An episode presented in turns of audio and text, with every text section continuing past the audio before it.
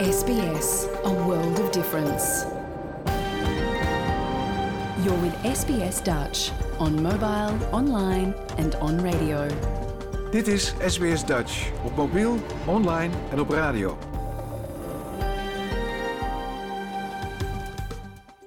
Graag erkennen wij de traditionele eigenaren en verzorgers van het land, van waar we vandaag SBS Dutch uitzenden, en uiten we ons respect aan de Camaragal mensen van de Kurungay Nation en hun ouderlingen uit het heden en het verleden. Ook kennen we de traditionele eigenaren van alle Aboriginal en Torres Strait Islander landen, van waar u vandaag naar ons programma luistert.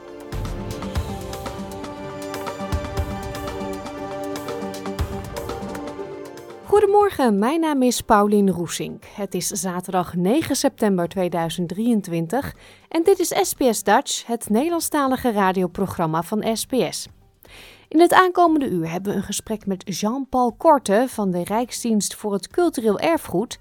Hij is momenteel in Australië voor een workshop over hoe Nederland nieuwe bestemmingen vindt voor erfgoed.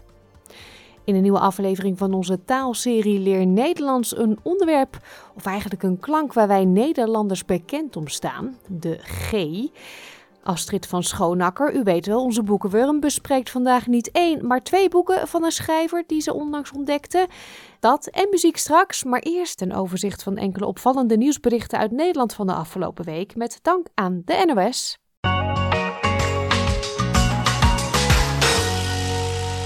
De NOS meldt dat het niet goed gaat met de bestrijding van dieren en planten die niet in Nederland thuis horen. Het gaat om zogenoemde invasieve exoten, zoals de Japanse duizendknoop. Ecoloog Koenraad Krijger legt uit wat er precies aan de hand is. De natuur is altijd uh, dynamisch, dus er komen altijd nieuwe planten en dieren uh, bij, ook naar Nederland. Wat nu gebeurt de laatste decennia is dat het ontzettend snel gaat met die introducties. En dat komt door de toegenomen wereldhandel, de open economie, zeker in Nederland. En dat wil ook zeggen dat het een toenemend probleem is, uh, omdat een deel van die soorten zich vestigen ergens en een, daarvan weer een deel uh, zich ongebreideld kan verspreiden, ook ten koste van soorten die er al zijn. Dus wat heel belangrijk is, is dat je bij de, als je dit soort nieuwe exoten ontdekt, dat die goed gevolgd worden. Uh, dat gebeurt in Nederland ook wel, maar dat kost natuurlijk heel veel tijd en geld en moeite. Hendrik Kramer zit net als zijn vader in de visserij. Waar de netten van zijn vader vol zaten met kabeljauw en school, ziet Hendrik zelf steeds meer vissoorten die eerder zuidelijk in de Noordzee voorkwamen. Denk aan langoustines en pijlinktvis. Eh, dit is uh, tarbot? Dus dit is wat we eigenlijk vroeger vingen. Of, dit is wat mijn vader vroeger echt op ving, uh, op viste. Uh, en die kwam thuis en dan zei hij, kijk eens wat we gevangen hebben. Uh, langoustines. En had hij er één of twee. En dat is dus nu onze hoofdsoort. School en kabeljauw, waar ze vroeger op visten, die zitten eigenlijk noordelijker. Die zitten nou, bij Noorwegen. En, uh, dus dat was steeds anders. En wij krijgen dus nu soorten terug, zoals langoustines en uh, inktvis. Ja, het is wel een gevolg, denk ik, van, de, van het warmer worden van, het, uh, van de Noordzee. All the big skull can go for action. Ja, als ik aan, aan iemand vertel dat ik visser ben, dan vragen ze al snel van, nou, waar vis je dan op? En dan zeg ik langoustines en inktvis. En dan zeggen mensen, oh, maar die eet ik altijd als ik op vakantie ben in Italië en in Spanje. Maar die zaten dan waarschijnlijk bij jou in vliegtuig daar naartoe. Oudere verzorgers vanuit het hele land trokken deze week naar Den Haag om actie te voeren tegen bezuinigingen. Naar verwachting zal deze tak van zorg volgend jaar te maken krijgen met een tekort van 100 miljoen euro, zo zeggen oudere organisaties. U hoort enkele van die actievoerders. We zien dat het anders moet in de zorg, maar met de huidige maatregelen die aangekondigd zijn, de kortingen op de ouderenzorg, gaat dat niet nu al lukken. Krijgen wij het allemaal nog drukker dan we het al hebben. En de ouderen die hebben recht op uh, meer, uh, meer zorg, in ieder geval dezelfde zorg die ze nu krijgen. Ik ben vooral bang dat de ouderen die wij verzorgen uh, geen fijn leven meer hebben, geen fijn laatste stukje van hun leven meer hebben. Wij zijn het volledig met de minister eens dat de vernieuwing in de ouderenzorg moet plaatsvinden. Maar als wij te maken krijgen met dergelijke financiële vraagstukken, dan zijn we bezig met reorganiseren in plaats van aandacht geven aan vernieuwen. Maar geef ons de tijd, weet je. Zorg dat dit volgens een, uh, ja, een goede weg gebeurt. En niet met een uh, nou ja, botte bezuinigingsknop zoals nu het geval is. Zeker tienduizenden longpatiënten wisselen noodgedwongen van medicatie omdat dit de zorgverzekeraar financieel beter uitkomt. Longpatiënt Maria Torren Ronchetti weet maar al te goed waar het over gaat. Zij krijgt van haar apotheek vaak verschillende merken van hetzelfde medicijn, waardoor ze te maken krijgt met vervelende bijwerkingen. En dat zorgt voor heel veel stress. De longarts die heeft het pakket voor mij samengesteld. En dat is best een hele klus geweest. En dan heb je de juiste medicijnen. En dan vervolgens worden er andere geleverd waar je dus alles, al die bijwerkingen van hebt. En dat wil je niet. Je wil die bijwerkingen niet. Het moet toch eenvoudig genoeg zijn als de, de longarts dat voorschrijft, dat ze dat dan ook leveren. Ik word er boos van. En ik word er verdrietig van.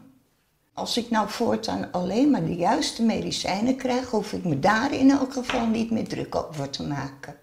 Dat is toch wel een. Uh, ja, dan leef, leef je toch een stuk prettiger. Uit een Europees verkeersveiligheidsonderzoek blijkt dat 4 op de 10 inwoners van Amsterdam zich onveilig voelen in het verkeer. Daarmee komt Amsterdam op plek 5 van 25 bevraagde Europese hoofdsteden. Deze Amsterdammers beamen dat het verkeer in de stad onveilig is. Ja, dat uh, verbaast me helemaal niet, nee, want het is ook onveilig. Als je met veel naast elkaar fietst, dan uh, word je wel uh, gevaarlijk ingehaald soms. Sommige mensen hebben geen genade en die racen meteen door. Door die elektrische fietsen is het natuurlijk wel steeds gevaarlijker worden. Ze gaan te hard en ze gaan op plekken waar je denkt van nou hier kun je dus echt niet inhalen, inhalen. Die gaan veel sneller dan ze eigenlijk mogen gaan. Vaak zijn ze ook opgevoerd. Je hoort ze ook niet. Dus ja, dat speelt wel mee, ja. Ik heb ook meegemaakt dat ik gewoon uh, door groen ging rijden en dus gewoon mensen met een motor doorheen ging racen. Dat ik bijna werd aangereden met mijn vrienden. Regelmatig heb je ze hier en dan uh, is het, uh, oh sorry, aanrijding met een fietser, even erop geknald en door. Ja, nou, het is abnormaal dat ze 40, 50 keer op een fietspad rijden en bromfietsen. Er is niks veranderd hier in Amsterdam. Het is nog allemaal hetzelfde, het is nog erger geworden. In Vlissingen zijn twee bunkers uit de Tweede Wereldoorlog uitgegraven. Ze werden eerder dit jaar al ontdekt tijdens werkzaamheden. De gemeente moet nog beslissen of de bunkers behouden blijven. Bernard Meijelink van de Archeologische Dienst gaf een rondleiding aan de NOS. Ja, we, we, staan zelf staan we op een 2 meter dikke wand. Het is een bomvrije bunker en die heeft dus aan alle kanten 2 meter wand en had ook een, een dak van 2 meter dik. En daar binnenin zien we gewoon twee kleine ruimtes. En hier uh, werden gewonden uh, opgevangen. Dit is de eerste opvangplek voor uh, gewonde soldaten. Dit type bunker was eigenlijk ooit ontworpen om als munitieopslagbunker te dienen. Maar deze hebben ze dan ingericht als dus, opvang voor gewonden. En dat kun je ook zien aan bijvoorbeeld die kacheltjes die hier in de hoeken nog staan. zodat het toch verwarmd kon worden. Tot zover dit willekeurige weekoverzicht van deze week. Met dank aan de NOS.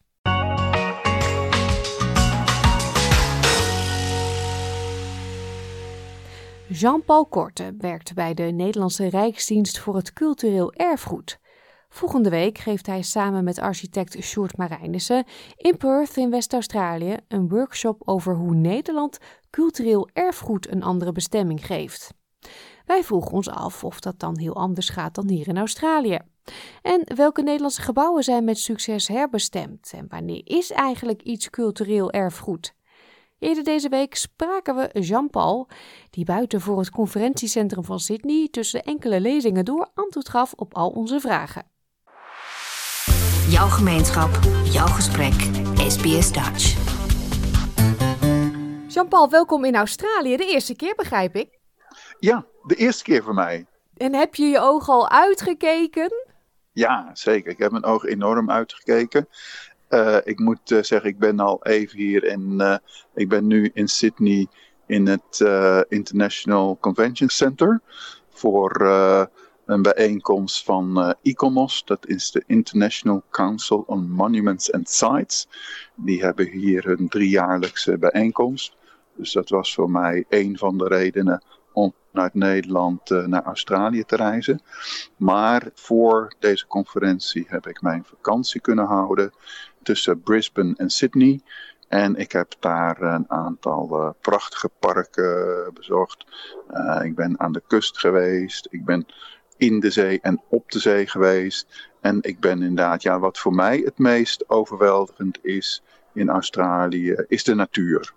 En dat is niet alleen de flora, alle bomen, planten, bloemen, met een uitbundigheid die ik in Nederland en in Europa niet of nauwelijks ken. Maar ook de fauna, alle, ja, zoveel bijzondere dieren waarvan je het bestaan soms niet eens zou kunnen voorstellen, die ik hier ben tegengekomen. En wat, wat mij ook opviel in de Australische natuur, maar misschien is het mijn perceptie, dat alle dieren lijken hier veel minder schuchter dan ik in uh, Nederland altijd merk. Als ik in Nederland over de Veluwe fiets bijvoorbeeld, en dan zie ik af en toe wel eens een hert of een ree, maar zodra die mij maar enigszins in het oog krijgt, dan, dan schiet die weg.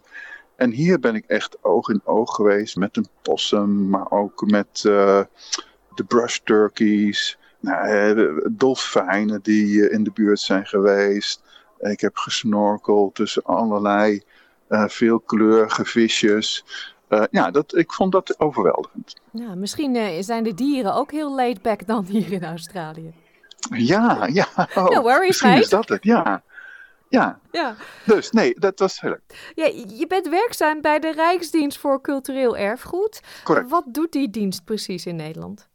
Nou, de Rijksdienst voor het Cultureel Erfgoed is een onderdeel van het ministerie van uh, Onderwijs, Cultuur en Wetenschap.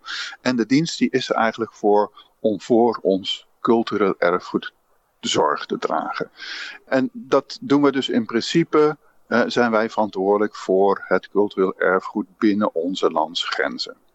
Maar nu is het natuurlijk zo, als je je werk in eigen land goed wil doen, dan heb je soms ook kennis, ervaring, expertise nodig uit het buitenland. En dat is waarom wij als Rijksdienst voor het Cultureel Erfgoed ook een internationaal samenwerkingsprogramma hebben op erfgoed. En dat doen we met een aantal uh, partnerlanden. En die partnerlanden zijn deels uitgekozen door buitenlandse zaken. En een van die partnerlanden is Australië. Nou, dat maakt het cirkeltje weer rond dan. Maar wat is nou precies erfgoed? Want ik denk meteen aan hele mooie oude gebouwen. En ja, ja eerlijk is eerlijk, die heb je hier toch een stukje minder dan in Europa. Ja, nee, daar heb je helemaal uh, gelijk in. In Europa zijn er oudere gebouwen dan je hier uh, tegenkomt. Uh, maar tegelijkertijd zijn er ook heel veel interessante gebouwen hier. Het lastige met uh, cultureel erfgoed is, althans, ja, cultureel erfgoed is een heel ruim begrip. Het gaat niet alleen over gebouwen. Maar de reden waarom ik hier ben, heeft wel vooral met gebouwen te maken. Dat is mijn expertise. En kijk, het definiëren van gebouwd erfgoed is relatief simpel. dat kun je definiëren als gebouwen uit het verleden die wij significant vinden, die wij van belang vinden. Dat is uh, ruim genomen de definitie. Mm. Maar het lastig is natuurlijk, wanneer is een gebouw belangrijk en voor wie is het van belang? En dat kan natuurlijk heel erg verschillen naar tijd en naar plaats. Wat voor mij van belang is, is niet per se van belang voor jou.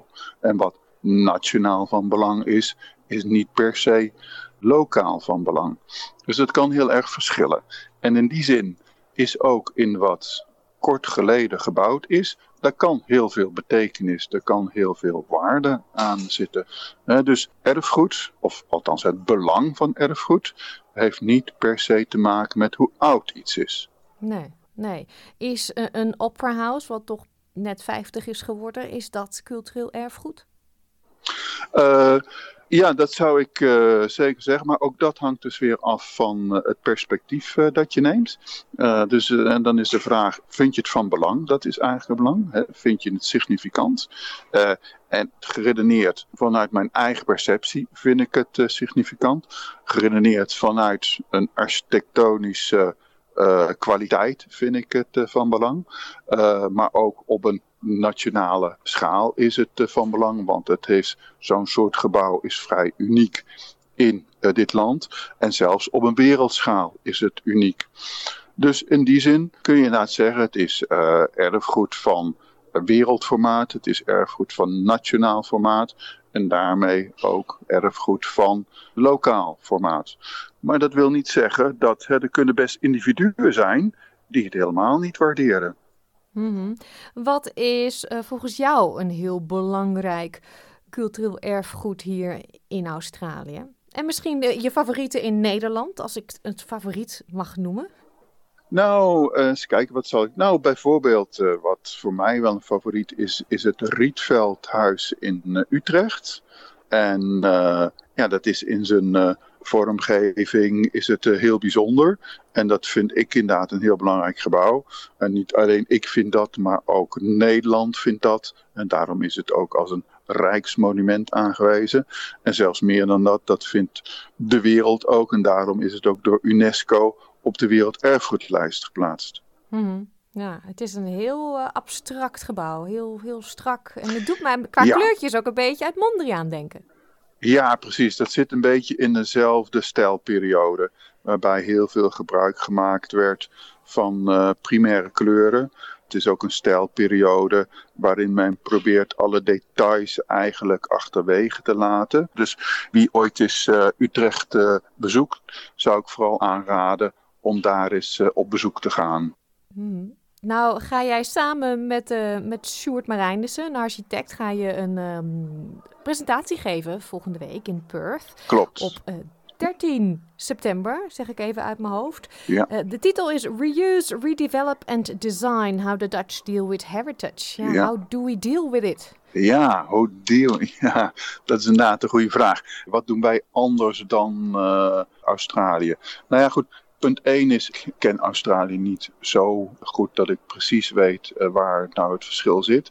Maar ik kan in ieder geval wel aangeven waar we in Nederland uh, goed in zijn. Uh, in Nederland, om te beginnen, is herbestemming een vrij algemene praktijk geworden. Uh, we hebben heel veel voorbeelden van hergebruik van oude gebouwen voor een nieuwe functie. En wat Zoals zover ik... bijvoorbeeld? Nou, bijvoorbeeld uh, misschien Magna Plaza, als ik uh, mag noemen. Dat is uh, het voormalige postkantoor achter de Dam in Amsterdam.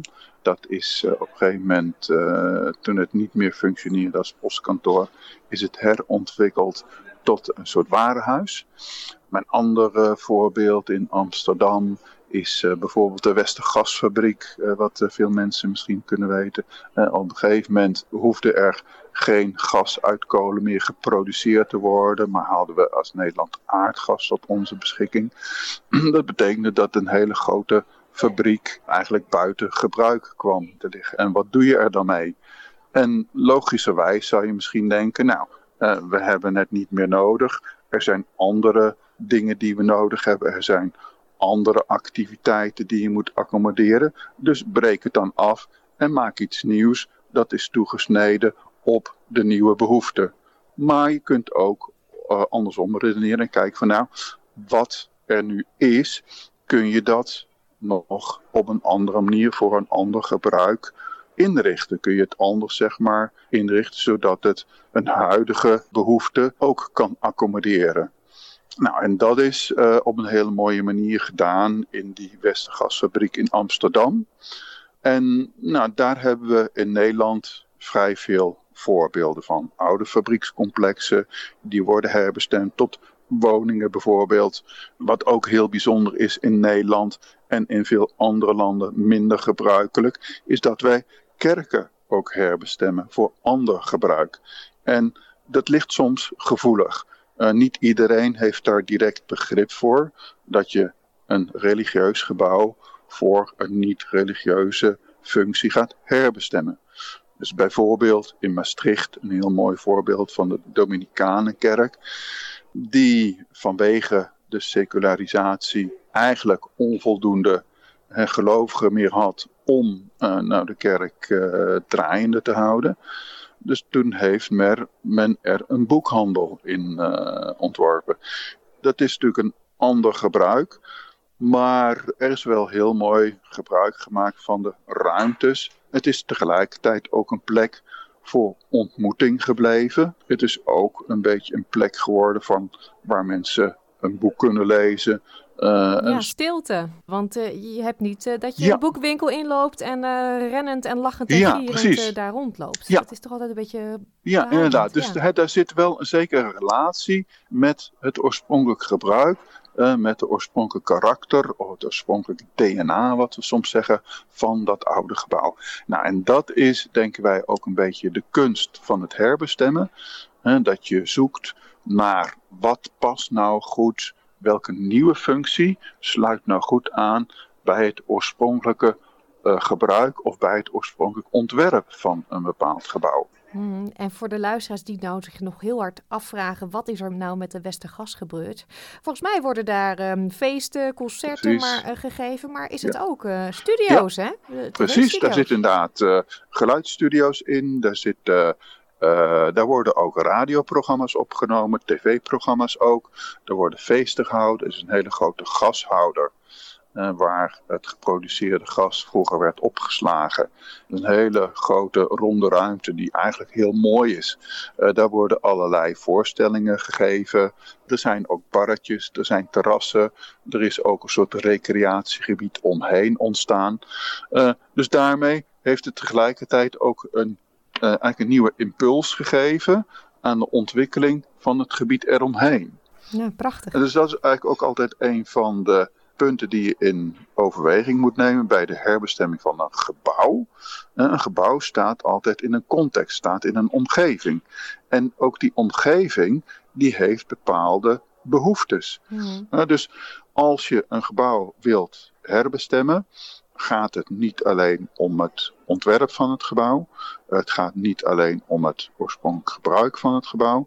Maar het gaat ook om eigenlijk het hele gebied eromheen. Ja, mooie puzzel af en toe, denk ik. Ja, het is ja, dat is inderdaad een goede vergelijking. Het is eigenlijk een soort puzzel. Mensen die nou enorm geïnteresseerd zijn in cultureel erfgoed en architectuur, die kunnen jullie presentatie bezoeken, hè? Ja, zeker. Absoluut. Ja, nou de details voor woensdag 13 september zetten we op onze website www.sps.com.au Dutch. Ehm, ik vroeg me af, in Nederland zijn we dus eh, best wel heel erg ervaren en doen we het goed wat dit betreft. Het eh, herbestemmen van eh, gebouwen. Hebben jullie al wat kunnen oppikken van hoe ze dat hier in Australië doen? Ja, wel een, wel een beetje. Al zijn we eh, nog maar kort hier en eh, we zijn redelijk nieuw in Australië. Maar ik heb een aantal he- hele mooie voorbeelden gezien hier in eh, Sydney. Een van de voorbeelden die de luisteraars wellicht ook kennen is de zogenaamde de, tramsheds. Eh, dat is een oude tramremise die eigenlijk op een hele passende manier is eh, herbestemd en ook herontwikkeld tot een soort eh, centrum van eh, warenhuizen en kleine detailhandel. Die, voor zover ik het kan zien, ook een hele mooie aanvulling is op de woonwijk die daar omheen ligt. Dus ook heel erg een versterking is van de woonwijk die eromheen ligt. Ja. Ehm, ik wens jullie eh, heel veel eh, plezier en eh, geniet van alles om je heen. En succes in Perth. Dankjewel. Dat was Jean-Paul Korte van de Rijksdienst voor het Cultureel Erfgoed. Een link naar de website waar u zich kunt aanmelden voor de workshop van Jean-Paul en Sjoerd vindt u op onze website www.sbs.com.au Dutch. Gaan we verder met muziek. Dit is Stef Bos met Gek zijn is gezond. Het moest er een keertje van komen. In een nieuwe les Leer Nederlands, want daar kunt u nu naar luisteren, bespreekt lerares Nederlands Joyce Diebels onze wereldberoemde, of misschien wel beruchte, harde G.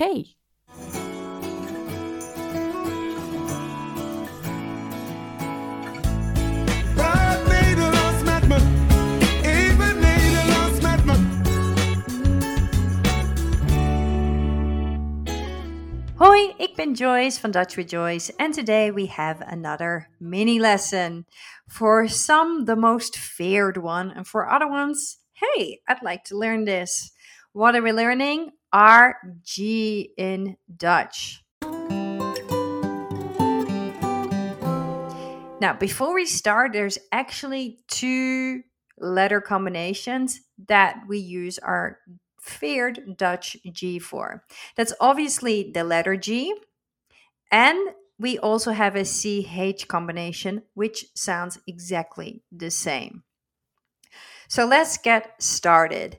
The G sounds like G. However, in Dutch, we also have a softer G sound. So in the region where I am from, in the south, it sounds more like an G nicer and softer. So maybe that's something that you want to take on. If we look, for example, at the word rain, I can actually show you how this sounds in, let's say, Amsterdam, in the south of the Netherlands, and even in Belgium. So the word for rain is regen.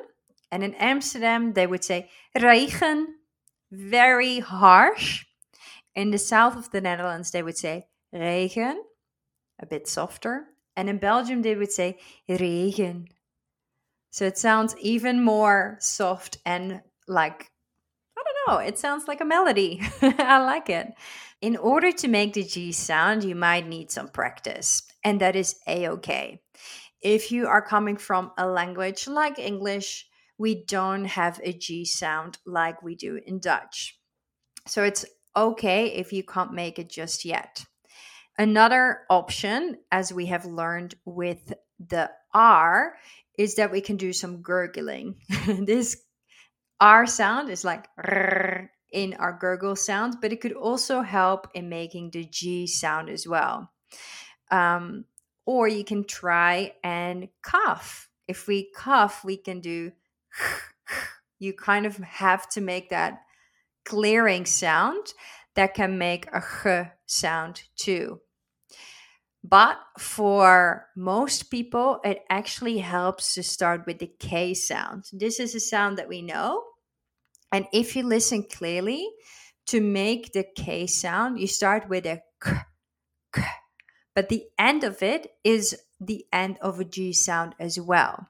So if you emphasize the K sound, K, K, K, if you then take away the harsh at the beginning and make it a bit more softer, you have the G sound there. Let me show you. K, k, k, k, so you have the g sound there.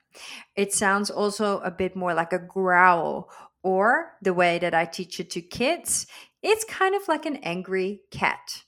So if you imagine an angry cat trying to jump at you and making a sound, that is a way to get used to the sh sound. In the end, it's a very throaty sound, and we want to make sure that you practice it enough and maybe even overemphasize it.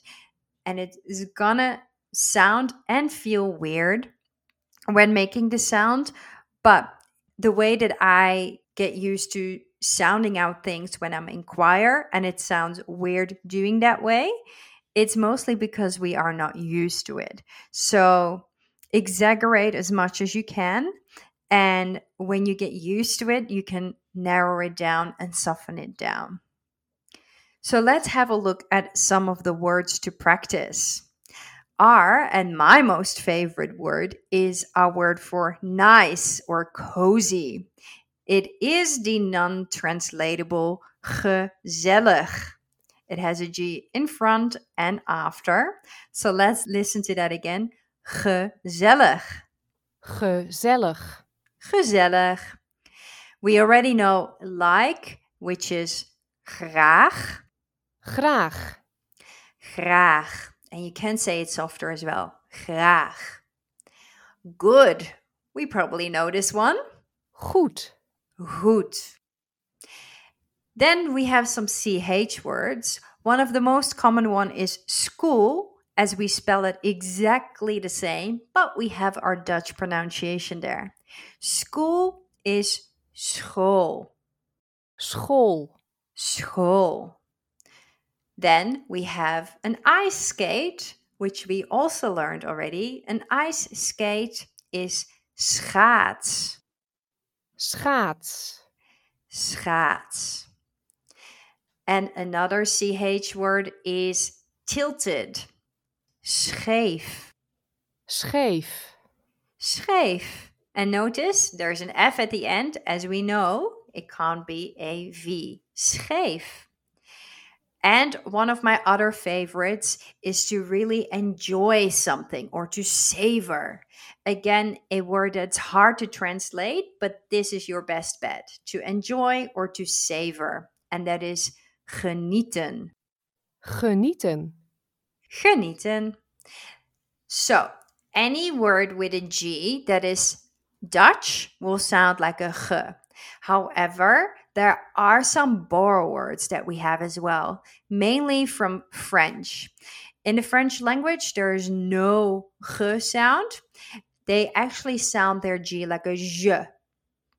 Je. So, a couple of words that we often use, however, are from the French language, will not sound like a g. So, for example, a giraffe is spelled with a G.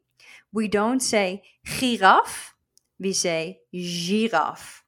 Giraffe. Giraffe. A massage is also French. We don't say massage, we say massage. Massage. Massage. And the last one, a watch, like the one that you are wearing around your wrist, is a horloge. Horloge.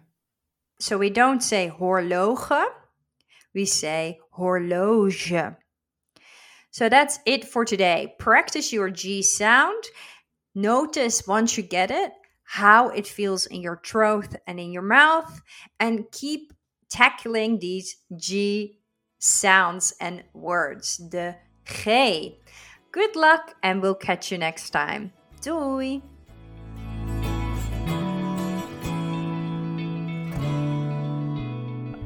Net als iedere week zijn de besproken woorden terug te lezen op onze website www.sbs.com.au/dutch.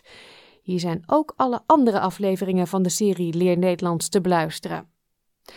Tijd voor een liedje en de titel en de naam van de artiest beginnen voor deze gelegenheid met een G. Dit is Guus Meeuwis met Geef mij je angst. Oké, het origineel was dan wel van André Hazes. Wij doen bij SBS Dutch enorm ons best om de Nederlandse taal levendig te houden.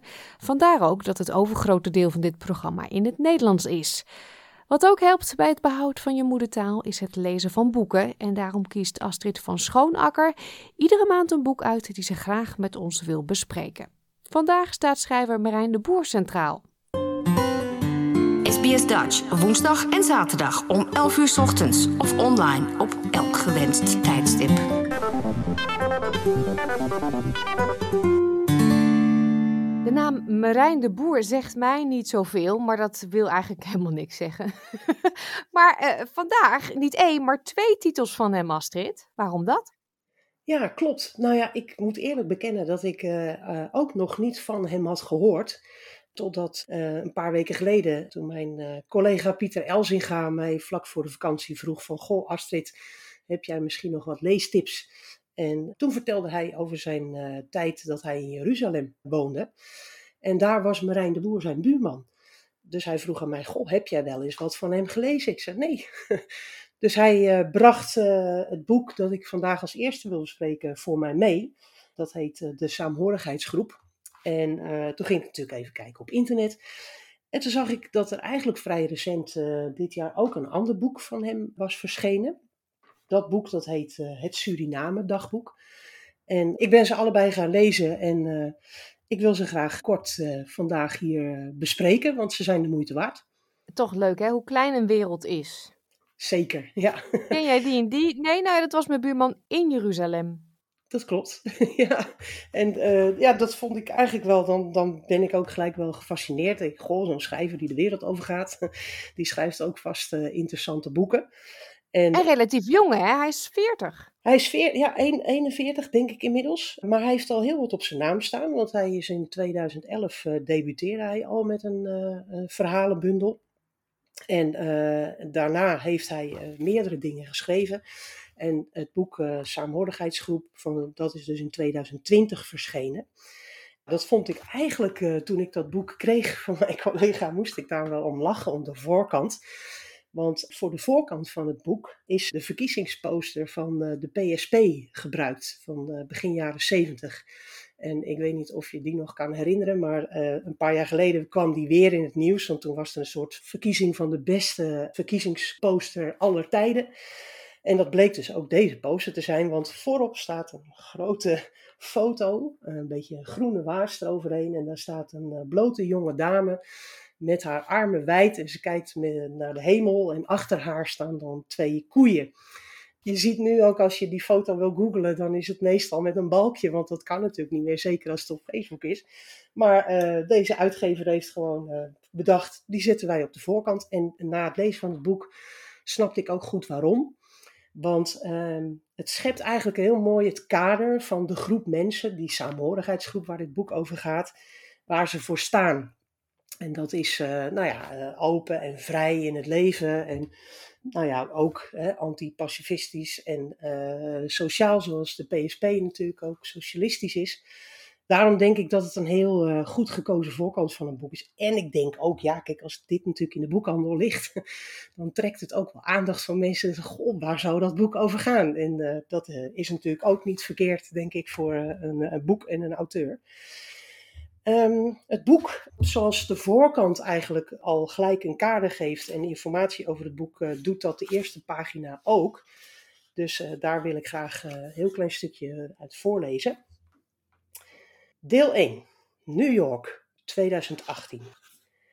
Ambassadeur Bernard Lekman, permanent vertegenwoordiger bij de Verenigde Naties in New York, stond ergens tussen drie uur en vier uur s'nachts voor het raam van de Nederlandse residentie aan Beekman Palace, dronken, uitkijkend over de East River, Roosevelt Island en de lichtjes van Long Island City. Zich afvragend hoe het ook alweer zat met die beroemde uitspraak. Wie jong is en links? Nee, zo was het niet. Hij nam nog een slok wijn en dacht na. Wie jong is en rechts, heeft geen hart. Wie oud is en links, geen verstand. Ja, zo was het. Hij liep naar zijn bordeauxrode chaiselongue in de hoek van de kamer en ging erop liggen. Vanaf hier kon hij de Queensboro Bridge zien. Koplampen van auto's die naar Manhattan reden vormden een zacht geel snoer over het water. Bovenop de brug knipperden rode lichten. Het was een lange dag geweest. In de ochtend had hij een vergadering met de hele staf gehad, vervolgens een lunch met de Spanjaarden, in de middag een zitting in de Veiligheidsraad en ter afsluiting een receptie, die was georganiseerd door de Belgen. Daarna was hij met twee medewerkers gaan eten en tenslotte was hij nog maar naar een borrel op de Oegandese post gegaan, omdat daar een jonge vrouw werkte met wie hij een tijdje geleden erg geanimeerd had staan praten. Maar op de borrel was ze niet en hij was toch maar gebleven. Hij voelde zich oud en misschien wel voor het eerst in zijn leven. Het verleden laten we in het verleden, zo had hij altijd gedacht. Die stelling had hem behoed voor melancholie, maar vooral ook besef van de voortschrijdende tijd. En nu was het ineens bijna het einde van zijn carrière. Het lag voor de hand om over vijf maanden, als het zover was, naar Nederland terug te keren, al had zijn vrouw daar weinig te zoeken. De afgelopen weken was hij sluipenderwijs tot het besluit gekomen. Na dertig jaar repatriëren. En als hij terugging naar Nederland, dan moest en zou het Haarlem worden. De stad waar hij nooit had gewoond, maar waar het belangrijkste deel van zijn leven zich had afgespeeld. Een tijdje terug had hij een e-mail gekregen van een van die schimmen uit die Haarlemse tijd. Bruno Koolmees kwam naar New York en hij wilde met hem afspreken. De grote roerganger van de weleer enterde het land van het kwaad. Hij kon zich er geen voorstelling van maken. Bruno in Amerika. Nou, dat zet eigenlijk gelijk eh, de hoofdpersoon neer, dit fragment van het boek, want het gaat namelijk over Bernard.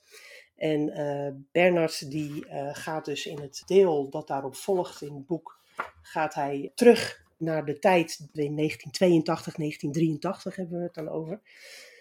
Waarin hij door zijn vriend Felix werd geïntroduceerd in de saamhorigheidsgroep. Dat was een groep, een, een stuk of 10, 12 mensen die allemaal een goede baan hadden Er zit ook een docent middelbare school Latijn eh, tussen, maar ook een verloskundige, een kunstenaar. Dus het is een gemeleerd, uh, hoogopgeleid groepje, waar ook stellen in zitten. En zij hebben allemaal de afspraak met elkaar dat ze 10% van hun inkomen leggen zij in. En één keer per week vergaderen ze dan met elkaar over welke goede doelen ze met dat geld willen ondersteunen. Omdat ze voornamelijk ook de medemens willen ondersteunen. Dat zien zij ook als hun taak. Nou, dat gaat er nogal bijzonder aan toe. Felix die vraagt, die nodigt hem uit om daar een keer naartoe te komen. En uh, dan beginnen ze bijvoorbeeld met een knuffelsessie. En dan uh, knuffelt iedereen met elkaar. En uh, dan is er na het formele gedeelte van de vergadering ook weer een ontspanningsoefening. Dus ja, ik zag dat helemaal voor me, zoals dat in de tijd, nou ja, even gechargeerd gezegd, de geitenwolle sokfiguren. ze fietsen ook allemaal, hebben natuurlijk geen auto. Dan halen ze met de fietstassen daar waar gratis appels worden uitgedeeld, gaan ze de appels ophalen en opeten. En ze gaan ook met elkaar uh, in het weekend dingen ondernemen, zoals of naar een demonstratie, of ze gaan wandelen in de duinen of picknicken in het bos. En ehm, nou, eigenlijk stiekem toen ik dat die, die Bernard een beetje had leren kennen, die in een wereldje van de mannen met pakken zich bevindt. Hij had toen al hè, gestudeerd, rechten, en woonde aan de Amsterdamse grachten. En uh, ging uit eten en nou ja, spendeerde zijn geld, wat natuurlijk die leden van die groep helemaal niet deden. Dacht ik, nou, die gaat geen lid worden. Maar dat doet hij wel. En dat heeft denk ik te maken met dat hij toch een beetje de geborgenheid mist bij, in die andere wereld van zijn werk bij buitenlandse zaken. En dat hij dat toch eigenlijk wel heel mooi vindt. Tegelijkertijd in dat jaar blijft hij een klein beetje een buitenstander. Want ja, hij is toch wel anders dan de anderen. Hij gaat dan ook niet uh, met zijn auto helemaal tot aan de deur van uh, het uh, huis van de, het lid dat daar die avond dan de bijeenkomst organiseert. Want ja, stel je voor dat ze erachter komen dat hij ook in een auto rijdt. Dat zou toch wel heel slecht zijn. Dus ja, gaandeweg krijg je eigenlijk door de ogen van Bernard een steeds beter beeld van die leden die in dat groepje zitten. Er zit ook een stel die tussen, die zijn uh, polyamoreus. Dus nou ja, dat gaat dan eigenlijk al vrij snel mis. Dan is er ook nog een stel, die hebben een kinderwens, maar die wordt niet vervuld. Dus daar wordt ook een creatieve oplossing voor bedacht. Dat zal ik niet weggeven, want dat moet je lezen, want dat is heel bijzonder. Maar ja, het is wat dat betreft, uh, ze zijn allemaal toch, uh, is het moeilijk om dan de dingen goed te laten verlopen. Dus dat beschrijft Marijn de Boer op een hele bijzondere manier. En eigenlijk moest ik er een beetje aan denken, en dat komt misschien ook een beetje de tijd waarin dit afspeelt, aan de manier waarop Van Koten en de Bie uh, dat soort typetjes neerzetten in hun televisieprogramma's. Dat waren in die tijd ook altijd uh, typen die je wel goed voor kon stellen dat je ze tegen kon komen, bij wijze van spreken, bij uh, de supermarkt. En toch moest je er altijd een beetje om gniffelen. En ja, dat vind ik heel knap, want dat doet Marijn de Boer dus eigenlijk heel goed, vind ik. Het is wel geloofwaardig en hij geeft ook een heel mooi tijdsbeeld. En tegelijkertijd moet je ook heel vaak lachen als je dit boek aan het lezen bent. Zo dadelijk na de break praat Astrid verder over het tweede boek van Marijn. Voor de reclame hoorde u Astrid van Schoonakker enthousiast vertellen over de saamhorigheidsgroep van Marijn de Boer. Maar ze las nog een boek van deze auteur en over dat boek, het Suriname Dagboek, vertelt ze nu verder. Nadat ik dit boek had gelezen, dacht ik uh, direct van, nou, er is ook een ander boek zo recent verschenen. Dus dat wil ik dan ook wel graag lezen. Ja, en die en tweede, dat is dan iets heel anders, want dat speelt zich, tenminste dat denk ik, af in Suriname. In ieder geval, het gaat over Suriname. Ja, dat klopt. Nou ja, dat was denk ik ook voor Marijn de Boer zelf een verrassing. Want uh, als ik gelijk de eerste pagina even een heel klein stukje voorlees, want dat begint met een advertentie. Zaterdag 26 maart 2011. Vanochtend blaarde ik door de Groene Amsterdammer en las de volgende advertentie. Gratis last minute vakantie. Maak een avontuurlijke en literaire reis door het binnenland van Suriname in het kielzog van Albert Helman. Meer informatie helman.paradijsvogels.nl of 0572 302406. Nou, deze advertentie uh, die heeft uh, Marijn de Boer dus uh, gelezen. En dat fascineert hem, het zet hem aan het denken, want hij vindt eigenlijk dat hij zelf, ja, hij is iemand die graag op zijn bank zit met de poes. in zijn eh, eh, kamer eh, of, of appartement in Amsterdam. Dat vindt hij heel prettig, maar tegelijkertijd vindt hij ook dat hij er maar eens uit moet op avontuur en dingen moet meemaken en mensen moet ontmoeten. Dus hij besluit toch gelijk te bellen. Ehm, en dan krijgt hij Maurits Blomhert aan de lijn. En dat is een gepensioneerd universitair docent die al heel lang eigenlijk werkt aan een uh, biografie over Albert Helman.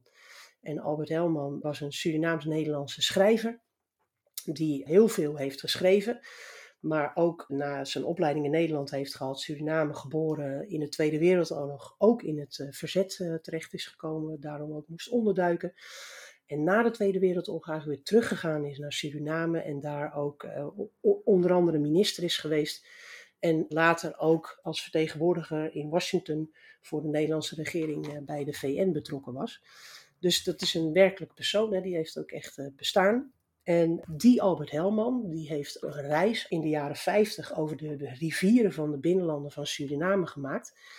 En die heeft daar een verslag over geschreven. Nou, die Maurits Blomhert, die uh, biograaf van Helman, die heeft dan bedacht van nou, hoe leuk zou het niet zijn als nu, zoveel jaar later, nog eens een groep mensen diezelfde reis weer gaat ondernemen. Over die rivieren in de binnenlanden van Suriname. Nou ja, en die advertentie die ziet die uh, Marijn de Boer dus. En nou ja, dat is dan een match, hè, want hij geeft gelijk aan van, goh, ik ben schrijver, want uh, binnenkort komt mijn uh, romandebuut uit en ik werk voor een uitgever, ik ben redacteur.